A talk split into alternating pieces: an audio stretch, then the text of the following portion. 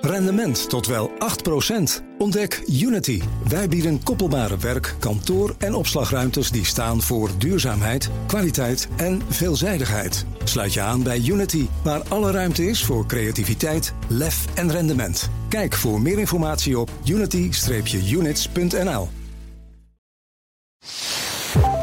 Maar het is een goede vraag. Straks als dat vaccin er komt, dat je misschien toch ook naar de GGD kan uh, om te laten kijken of je al antistoffen hebt. En hoef je misschien niet het vaccin. Hallo, ik ben Kees Dorrestein. En ik ben Diederik Gommers. Ja, bekend IC-arts en OMT-lid. En in deze podcast beantwoordt hij jouw coronavragen. Stuur je vragen naar me op via WhatsApp 06 8370 9229, via de mail gommers.bnr.nl of via Instagram BNR Nieuwsradio. Dan leg ik ze aan hem voor. Vraag het, Gommers. Goed dat je luistert naar een nieuwe aflevering. En daarin krijg je onder andere het antwoord op de vraag: als je zwanger bent en je krijgt het vaccin, is de baby dan automatisch ook immuun? En als je corona hebt gehad, hoe lang hou je dan antistoffen in je lichaam? Maar allereerst eventjes over kerst, want er wordt nu ook gesproken over of we de kerstvakantie moeten verlengen. Dus um, Diederik, staat er al een kerstboom in Huisje Gommers? Nee, nee wij wilden eigenlijk, um, hadden we een vakantie geboekt om op wintersport te gaan met z'n allen. Ja, dat mag niet, hè? Nee, dus dat gaat helaas niet door. Dus mijn kinderen zeggen al, maar pap, kunnen we jou dan thuis laten? Dan gaan wij wel. Maar ja, dat gaat, dat gaat waarschijnlijk ook niet lukken. Het kan niet in de krant staan dat de kinderen van Diederik Gommers op, uh, op skivakantie Nee, dus zijn, daarom. Dus uh, nee, helaas. Dus uh, die kerstvakantie moeten we afzeggen. Dus gaan wij met het gezin alleen kerst vieren. Dus met een hele kleine club. Ja, ik, ik vraag dat niet voor niks. Want ik zag zelfs al kerstballen in de vorm van het coronavirus die je er dan in kan hangen. Echt waar? Van die ronde ballen met dan van die uitsteekseltjes van die erop, erop. Van die spikes erop, ja. Oh jee. Snel naar de vraag uh, van uh, Juri. Want hij zegt, ik ben middelbare scholier en een extra week vrij vind ik niet zo erg. Vindt u dat de kerstvakantie verlengd moet worden, omdat dat zou kunnen helpen tegen, de, tegen het coronavirus? Ja, um, wat belangrijk is, is dat we de, dat we de RIVM-data, en die zijn eigenlijk aan het uitzoeken, wat nou die effecten waren van de herfstvakantie. Uh, hè, dat was in de week 42 voor het noorden en in week 43 voor midden en zuid. Maar daarna werd ook de lockdown afgekondigd, eigenlijk in week 43. Het is een beetje moeilijk voor hun na te gaan, maar er zijn aanwijzingen dat die herfstvakantie toch iets gedaan heeft op het verminderen van het virus. En toen is het idee bedacht van ja, luister eens, als we nou nu die daling eigenlijk een beetje gestopt is, of hij valt tegen, zou het dan niet verstandig zijn om die herfstvakantie wat langer te maken, omdat we dan, dan wel weer tijd kopen. En zolang dat vaccin er niet is, en we hopen nu toch echt dat dat ergens in januari komt. Maar wat we niet willen is als we met de kerstdagen en oud en nieuw te dicht op elkaar hebben gezeten, dat je natuurlijk in begin januari weer een opvlamming krijgt. Want ja, uh, we moeten eigenlijk met elkaar zorgen dat we tot aan het vaccin, waarbij we de hoogrisicogroep kunnen vaccineren, dat we daarmee het onder controle hebben. Dus vandaar vind ik het eigenlijk wel een goed plan. Ja, uh, maar als je dan uh, kijkt naar een verlenging, hebben we het dan over twee weken, één week, drie weken? Oh, dat weet ik niet precies. Uh, volgens mij is eerst gesuggereerd om het een week naar voren te halen. Um, en het gebeurt allemaal in de wintermaanden. Hè? Dus december en januari zijn de maanden waarmee we meestal de meeste verkoudheidsvirussen hebben.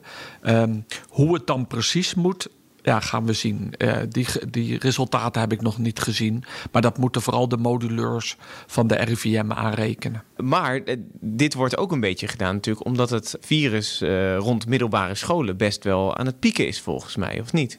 Nou, we hebben de afgelopen week gezien... dat het eigenlijk in alle leeftijdsgroepen langzaam daalt... Helaas te langzaam. Maar we zagen een kleine stijging in de groep uh, 13 tot 17. Uh, en dus ontstaat weer de nieuwe discussie: uh, moeten we toch ons beleid ten aanzien van de scholen veranderen, uh, omdat we het nu daar zien stijgen? Nou, dat is best wel een moeilijke discussie, omdat je weet dat die mensen kunnen wel het virus doorgeven. Dus ze doen mee in het doorgeven van het virus aan alle anderen. Um, maar ze worden er zelf niet ziek van. En dus ehm, ja, is daar nog geen besluit over genomen. Wat is wijsheid? De, dan praten we nu over het verlengen van de kerstvakantie. Maar dan denk ik een andere optie kan zijn... toch die middelbare scholen dan uh, sluiten. Ja, maar dan moet je natuurlijk. Daar, daar, dat, die analyse wordt nu gedaan. Daar is ook onderzoek naar gedaan. Dat wordt nu uitgewerkt. Uh, en de RIVM maakt daar een rapport over. En dan komt er dadelijk een advies uh, naar het kabinet. En dan kan het kabinet daar dadelijk een goed besluit over nemen. En ik weet niet precies wat daar op dit moment de uitkomsten van zijn. Ja, maar als, we het, als het zo blijft gaan dan mensen hopen natuurlijk toch uh, in die week voor kerstversoepeling dat je iets meer mensen kan uitnodigen voor het kerstdiner. Bewijs van dat is dan uh, wat lastiger. Ja, en, wat je vooral nu ziet eigenlijk, hè, dat de beweging, hè, je kunt allerlei analyses doen op Google en Apple met die telefoonbewegingen, maar ook Rijkswaterstaat heeft allerlei informatie over de bewegingen van de Nederlanders. Hoeveel uh, zijn we op stap uh, um, en wat doen we? En dan zien we eigenlijk dat de, de bewegingen zijn nu meer dan in april. Um, en we merken ook dat er nog veel van de besmettingen gebeurt niet alleen thuis, hè, dat hebben we ook gezien, maar ook op het werk. Dus er is ook nog wel suggesties om te kijken van als mensen nou nog zoveel besmettingen oplopen op het werk, moeten we toch niet kijken of we daar ook nog wat aan kunnen doen. En wat je vaak ziet is als je dan een week extra vakantie neemt, dat de ouders van de kinderen dan ook meer thuis zijn. Dus dat, het is een totaalpakket. Het gaat niet alleen om de kinderen, maar het gaat eigenlijk ook om de bewegingen. Um, al of niet meer thuiswerken. Dat doen al heel veel mensen. Maar eigenlijk zouden we graag zien dat nog meer mensen het doen. Want we zien eigenlijk dat er nog te veel besmettingen ook daar gebeuren op, op, op het werk. Oké, maar die week vakantie is dus ook vooral bedoeld om die ouders dan dus thuis te houden. Ja, we, ik bedoel, we zien nu dat die daling niet doorzet. We zien het aantal bewegingen dat het nog veel is. Dat zie je eigenlijk ook als zelf op, op de snelweg. Je ziet toch nog best wel veel auto's uh, s ochtends vroeg. Dus dat betekent dat veel meer mensen naar hun werk gaan. Nou, en daar zou je uh, willen dat je dat nog uh, naar beneden kan brengen. In de hoop dat je daarmee het aantal besmettingen afnemen. Maar dit is dan eigenlijk ook een oproep aan werkgevers. Ga toch meer weer thuiswerken dan net zoals in april en, uh, in, ja, in maart. Maar die oproep hebben ze ook gedaan. Alleen in, uh, als je die analyses bekijkt, is het nog niet heel, heel erg effectief op het moment. Dus eigenlijk iedereen keek altijd naar kerst als het licht aan het einde van de tunnel. Want dan zou er misschien wel meer mogen. Maar eigenlijk moeten we kijken naar januari, februari als het vaccin als einde van het licht van de tunnel. En tot die tijd strenge regels. Nou ja, en daar reageren, daarvoor meten we ook iedere dag. Daarvoor hebben we zo goede analyses. En het kabinet heeft nu gezegd: oké, wij wachten alle data af. En wij nemen een besluit 8 december. Ik denk dat dat verstandig is. Um, en precies zoals jij zegt, eigenlijk moeten we het volhouden totdat dat vaccin er is. Nou, nu wijst dat erop half januari, eind januari. Ik hoop toch echt half januari. Ja, en daardoor ja, wordt het vervelend voor de kerstdagen. We willen allemaal graag iets vieren. En daarom was ik wat streng dat je zegt: ja, moeten we misschien kerst maar een keer overslaan. Niet zozeer dat van mij mogen mensen absoluut kerst vieren. Maar we moeten niet het uh, signaal afgeven dat je iets kunt vieren. Want ik ben bang dat als wij roepen dat we kerst kunnen vieren, dat jonge mensen gaan zeggen: Nou, dan ga ik een mooi kerstfeest bouwen bij ons op school of in mijn sociëteit of weet ik veel wat. Ja. En daar ben je bang voor dat het aantal mensen wat dan weer bij elkaar komt te groot wordt. En wij willen dat eigenlijk beperken nou, tot maximum. En dan komt er iets van zes of acht of tien. Ik weet niet precies welk het aantal wordt. Maar dat betekent eigenlijk voor sommige families dat je heel beperkt kerst viert. Wel vieren, geen feest. Dat is het dan eigenlijk een beetje. Uh, daar sluit er dan toch nog even een, uh, een vraagje bij aan. Uh, die, die, is meerdere keren binnengekomen, onder andere van Corine en van Siva. Corine zegt namelijk: Ik heb samen met drie collega's corona gehad, over werk gesproken. Hoe lang zijn we nu immuun? Want je zou ook denken, naarmate er meer mensen besmet zijn geraakt, zijn er ook meer mensen immuun. Ja, nou. Hele goede vraag, want um, als je het, het, uh, het, virus gehad hebt en je bent er wel ziek van gewo geworden, um, bouw je, heb je antistoffen. En je hebt verschillende soorten antistoffen. Dat heb ik vorige keer ook gezegd. Je hebt die IgM, dat is de eerste, en die IgG blijft langer. En we zien dus dat de IgM, die heb je een aantal weken en dan neemt die af. Maar normaal komt dan de IgG. En het blijkt nu ook uit onderzoek van uh, de RIVM dat de IgG-antistoffen lang blijven. Dus die zijn al sinds de eerste golf, dan hebben ze mensen gevolgd. En dan een groot aantal mensen heeft nog steeds antistoffen vanuit de eerste golf. Dus je kunt gewoon lang antistoffen hebben tegen het coronavirus. En dat beschermt je ook. Als uiteindelijk gaat die IgG ook verdwijnen of wordt minder, maar dan heb je soort geheugencellen. Dan heb je bepaalde je afweer is een complex idee, maar die denkt dan op het moment dat dan het virus weer binnenkomt, zegt die geheugencel al wacht even, dat heb ik eerder gezien. Dan gaat hij het weer aanmaken. En dan gaat hij die, die antistoffen weer aanmaken. Dan geeft hij de opdracht dat er weer antistoffen gemaakt worden. Dus eigenlijk positieve berichten. Vanuit de eerste golf hebben we gezien in het onderzoek van de RIVM dat mensen lange antistoffen hebben, tot nou ja, zes, acht maanden nu al, uh, van het type IgM. Uh, en mochten dat minder worden, dan heb je ook nog geheugencellen die dan daarna weer je antistoffen aanmaken. Maar dan is wel de vraag, hoe weet je nou of je immuun bent? Want ik vraag me soms ook af, zou ik misschien corona hebben gehad. Ik heb er niks van gemerkt. Maar ik zou eigenlijk wel willen weten, als ik het heb gehad, heb ik, ben ik nu immuun ervoor? Ja, kijk, dus, het is, dus eigenlijk zou je je antistoffen moeten doen als het langere tijd geweest is. Of je je IgG of je IgM. Maar als het langere tijd geweest is, zou je eigenlijk je IgM-antistoffen moeten bepalen. Nou, daar moet je een extra test voor doen. Um, maar als die ook verdwenen is, kan er misschien toch wel weer geheugencellen zijn. Dus dan kan je het weer niet testen. Dus het is best moeilijk om te testen. Je weet het eigenlijk het beste op het moment dat je weer opnieuw contact krijgt met iemand.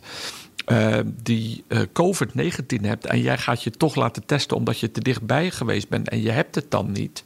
Ja, blijkbaar heb je dan. Uh, heb je er toch al contact mee gemaakt? heb je toch het COVID-19 al doorgemaakt? Dan denk ik wel, moeten er niet iets van testen komen zodat je kan testen of je antistoffen hebt. dus dan weet je ook, ik heb het gehad. Uh, het is weg, maar ik heb antistoffen. Ja, dat is een hele goede vraag. En ik weet het eigenlijk niet of die testen er zijn. Ik, ik, ik ken ze niet op dit moment, maar wie weet komen ze eraan. Ja, ik weet dat de commerciële bedrijven het hebben, maar ik weet niet hoe betrouwbaar uh, ja. die zijn. Ik hoor wisselende verhalen daarover, uh, inderdaad. Dus dat is, dat is nog mooi.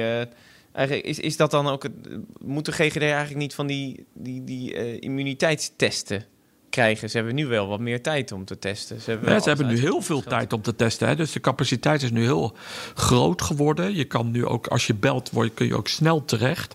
Um, maar het is een goede vraag. Dat we misschien, misschien in het kader straks als dat vaccin er komt, dat je misschien toch ook naar de GGD kan uh, om te laten kijken of je al antistoffen hebt. En hoef je misschien niet het vaccin. Ik, ik, ik ga het eens vragen. Ja, en, en dan kan je ook testen inderdaad of het vaccin goed werkt uiteindelijk. Stel je hebt het vaccin wel gehad, dan kan je natuurlijk ook kijken of die antistoffen aanwezig Ja, maar dat verwacht ik dat ze dat wel in proeven, hè? dus in, in pilots gaan doen of steekproefgewijs. Maar ik vind deze vraag eigenlijk wel handig.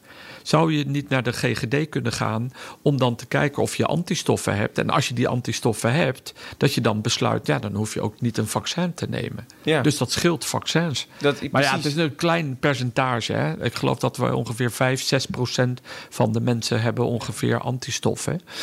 Maar ja, 65% van Nederland, dat zijn uh, toch flink wat vaccins. Ja. Uh, die je misschien zeker in die eerste maanden, ja. die wil je natuurlijk vooral naar, uh, naar de risicogroepen hebben. Dat is het advies. Ja, van nu. eens. Oké, okay, nou, mooi plan wat dat betreft. Liewe, hij zegt, deze week was er een doorbraak. Er is een nieuw medicijn ontdekt, vooral voor patiënten op IC's. Het middel tocilizumab. Ik hoop dat ik het goed zeg. Uh. Tocilizumab, ja, precies. Nou, dat uh, luister naar Diederik. Um, hoe blij bent u ermee? En kunnen we het middel ook niet aan mensen thuis geven? Want het helpt vooral tegen uh, vermoeidheidsklachten, omdat het, het immuunsysteem keihard aan het werken is. Ja, nee, we zijn er heel blij mee. Uh, maar het is een, een voorlopig uh, uitslag, omdat er een studie liep en loopt in een groot aantal, ik geloof in 150 landen. Uh, waarbij ze kijken wat verschillende behandelingen doet met patiënten die COVID hebben. En een van die behandelgroepen die kreeg dat tocilizumab. En ze hebben nu gevonden in de ad interim in analyse, dat doen ze dan halverwege, kijkt er een een aantal uh, dokters naar, naar die resultaten. En die resultaten zijn zo goed dat ze zeggen: oké, misschien moeten we de studie voortijdig stoppen omdat de resultaten zo goed is.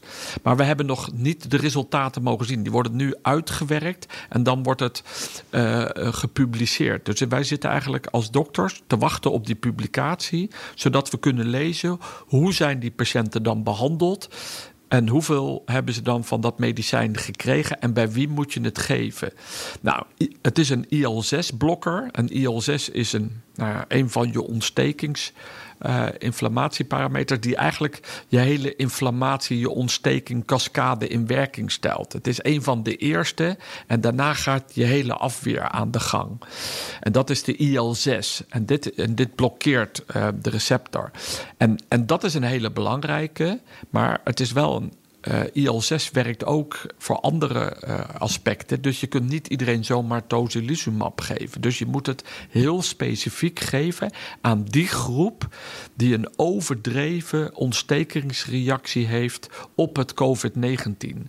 En dat lijkt een beetje op eh, wat ik wel eens eerder gezegd heb, op die cytokinestorm of die overdreven afweerreactie. die lijkt op een soort auto-immuunreactie. Ja, het, is een, het is je lichaam uh, wordt gewoon een fabriek die eventjes op standje 100 10% wordt gezet. Ja, en die maakt er zoveel afweer aan dat je eigenlijk weer last krijgt van die afweer.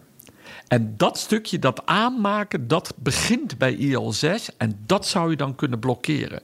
Maar die overdreven reactie, die zien we op de intensive care, maar niet bij alle patiënten. Maar als je het ziet, dan denk ik dat we die mensen tocilizumab willen geven. Maar we moeten nog wel even die resultaten afwachten.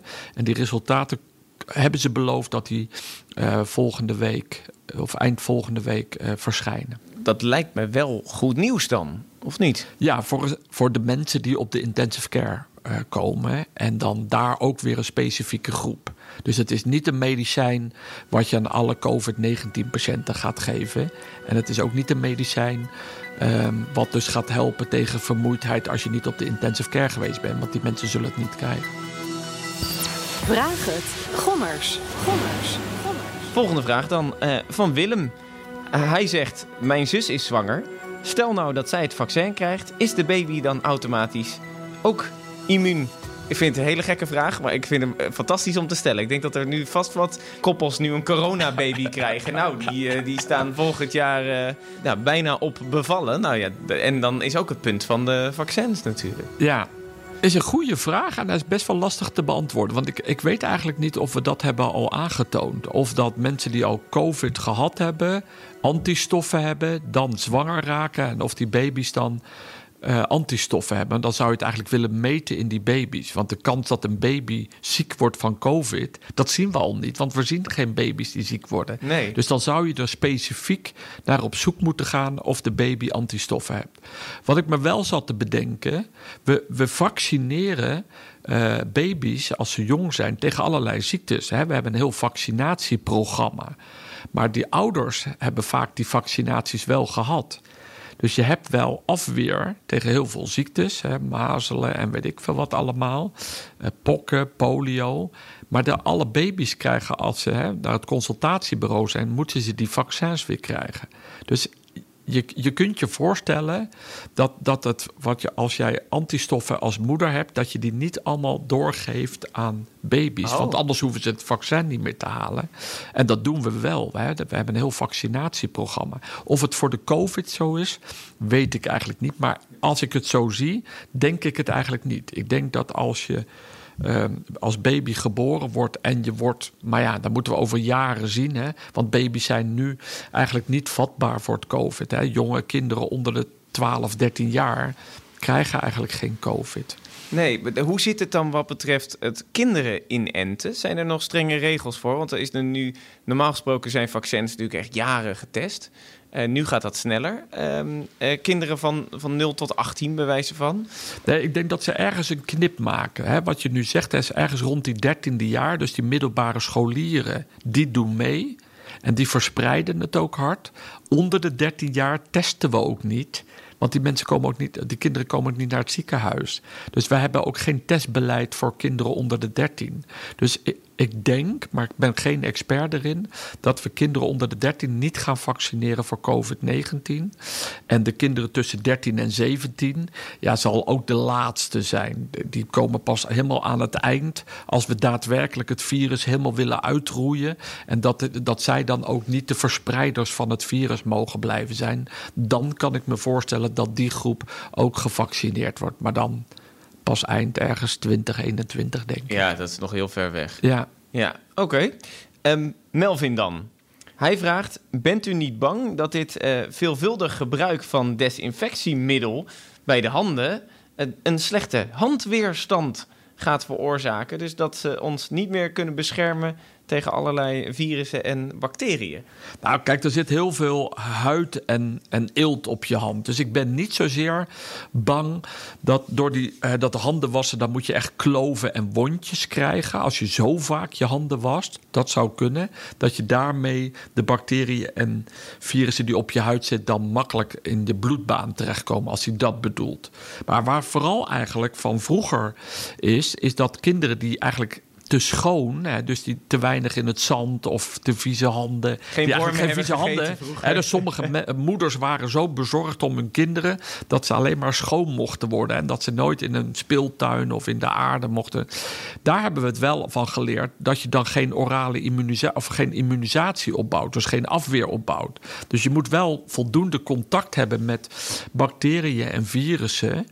Um, die dan aan je vieze handen, aan je mond en dan je lichaam al of niet inkomen. Om voldoende afweer op te bouwen. Maar ik weet niet, ik denk niet dat hij dat bedoelt. Als je bedoelt van wassen we onze handen niet kapot of door die alcohol maak je dan de huid doorgankelijk voor bacteriën en virussen? Nee. Ik denk pas als je echt zo vaak je handen wast dat ze gaan bloeden en dat er wondjes ontstaan. En dat je dus via dat bloed wat je ziet lopen, dat je daarmee uh, uh, makkelijk bacteriën en virussen in de bloedbaan brengt. Maar ik heb dat nog niet gezien, dat je je handen zo vaak wast. Ik, ik ben natuurlijk, heb ik al eens gezegd, opgegroeid op de boerderij. En tot mijn achttiende, uh, eigenlijk totdat ik het punt dat ik ben gaan studeren in de stad, ben ik eigenlijk nauwelijks ziek geweest. Ik kan me eigenlijk niet meer herinneren. Kan dat komen omdat ik gewoon op de boerderij tussen de koeien... dat ik zoveel heb binnengekregen dat, dat mijn lichaam eigenlijk hartstikke goed uh, is tegen al die bacteriën?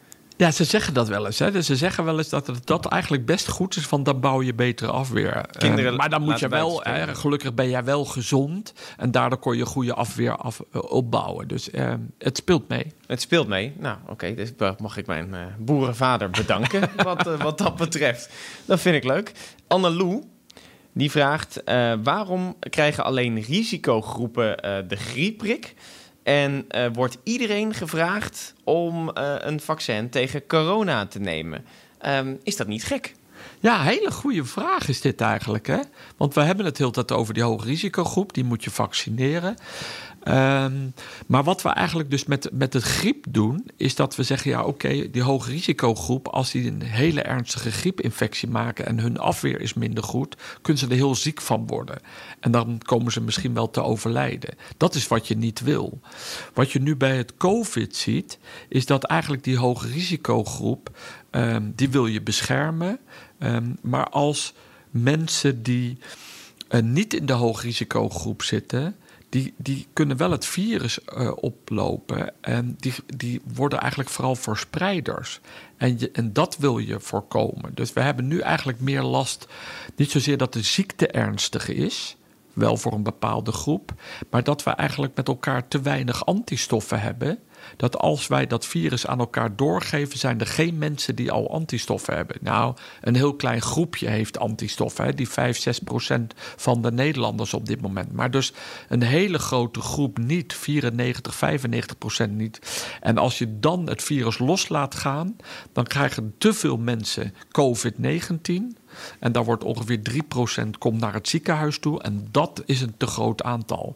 En daarom willen we zo graag vaccineren. En dat is anders dan bij griep. Omdat bij griep hebben altijd wel een paar mensen al wat antistoffen of eerder griep gehad. Ook al is het tegen een ander gedeelte van het virus. Maar dan worden er niet zulke grote aantallen ziek, waar dan eh, zulke grote aantallen naar het ziekenhuis komen. Dus we hebben wel eens een ernstig griepseizoen gehad, maar toen lagen er maximaal 300 mensen op de intensive care. Toen hebben we wel een aantal operaties moeten afzeggen, maar toen hebben we niet het hele land hoeven platgooien. En dat is het grote verschil met COVID-19. Omdat er dus genoeg mensen zijn met antistoffen tegen griep.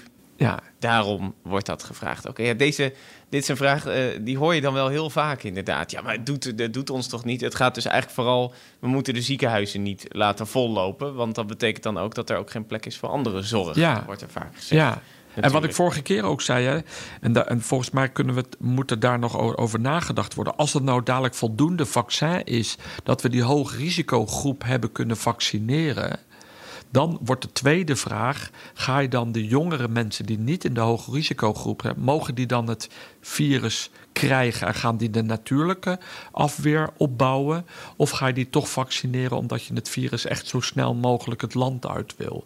Nou, die discussie gaan we nog voeren met elkaar, denk ik. Is dat mogelijk om het virus überhaupt echt uit het land te krijgen? Of zullen we er altijd last van hebben? Nee, als het virus, als het vaccin eh, bij iedereen zeg maar antistoffen opwekt en, en iedereen zou het nemen, dan heeft het virus eigenlijk geen gastheer meer. En als het virus geen gastheer meer heeft, dus geen levende cellen, dus geen mensen, ja, dan kan het niet overleven. Dus uiteindelijk sterft het dan uit. Ja, maar de, op zich er zijn ook genoeg mensen die het niet willen. Op dit moment lijkt Nee, maar daar ga ik dan 60% niet van vanuit. Hè. Nee, bedoel, precies. Je gaat als, positief als, uit. Ja, ik, ik ben een positief ingesteld iemand. Als we nou echt met z'n allen willen om het virus uit te doen uitsterven, zodat we er nooit meer last van hebben, ja, dan moeten we het in Nederland doen, maar dan moeten we het ook in de rest van de wereld. Hè. Dus Ja. dat is bijna onbegonnen zaak. Maar als je het positief ziet, zouden we met elkaar, als er voldoende vaccins zijn en iedereen neemt het, zouden we het virus kunnen uitroeien. Jorg die heeft de allerlaatste eh, toch ja, wat, wat eh, een gekke vraag, maar ik vind hem leuk om te stellen. Hij zegt: Ik zie u eh, nu tijdens de pandemie altijd bij veel talkshows. Stel dat de pandemie klaar is, ga ik u dan ook zien in andere televisieprogramma's? Nou, kan ik hem geruststellen? Nee. Nee, niet geen Wie is de Mol, de slimste mensen, dat nee, soort dingen. nee, nee. Dat Bent echt u er al wel voor gevraagd? Ja, ik ben er wel al voor gevraagd, maar dat is echt niks voor mij. Ik vind dat echt helemaal niks. Nee? Ik ben niet zo'n spelletjesman. Maar goed, eh, ik doe mee als er spelletjes gespeeld worden. Ehm, maar, maar ga mij alsjeblieft niet vragen in allerlei quizzes om op tv te zijn. Alle televisiemakers die nu luisteren, niet doen. Nee, heeft echt geen zin. Nee, eh, eh, door wie bent u gevraagd? De slimste mens? Nee, nee, want dat ben ik helemaal niet. Ehm,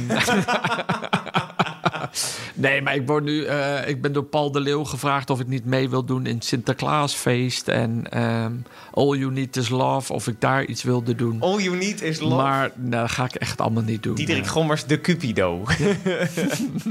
nee, oké. Doe maar niet. Nou, ik, eh, dat, dat is direct een goede. Eh, vind je de podcast leuk? Abonneer er dan vooral op eh, in je favoriete podcastplatform. Zie je direct ook andere afleveringen voorbij komen. Want je weet, Diederik Gommers zit niet bij Paul de Leeuw, maar wel in de podcast Vraag het Gommers. Dus dan kan je hem daar in ieder geval eh, horen. En de vragen stellen natuurlijk. Heb je een vraag?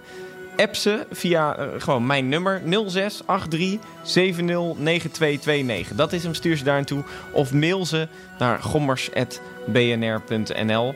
Ehm, en dan eh, volgende week gewoon weer nieuwe vragen. Kom maar op, daag hem uit zou ik zeggen. Ja, tot volgende week.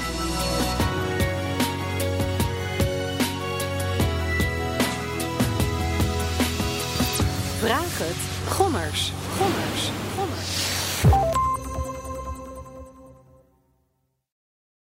Rendement tot wel 8%. Ontdek Unity. Wij bieden koppelbare werk, kantoor en opslagruimtes die staan voor duurzaamheid, kwaliteit en veelzijdigheid. Sluit je aan bij Unity, waar alle ruimte is voor creativiteit, lef en rendement. Kijk voor meer informatie op unity-units.nl.